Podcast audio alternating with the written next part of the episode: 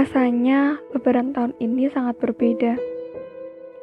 Ada yang jauh dari keluarga di perantauan. Ada yang sedang berjuang melawan COVID di rumah sakit.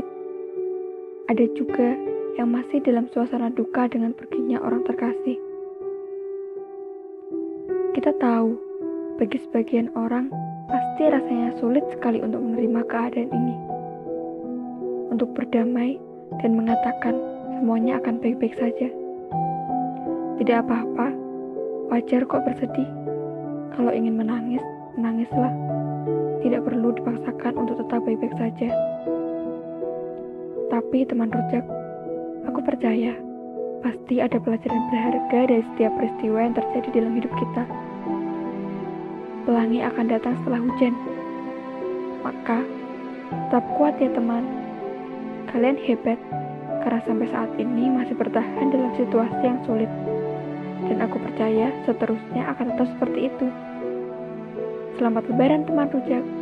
Mohon maaf lahir dan batin.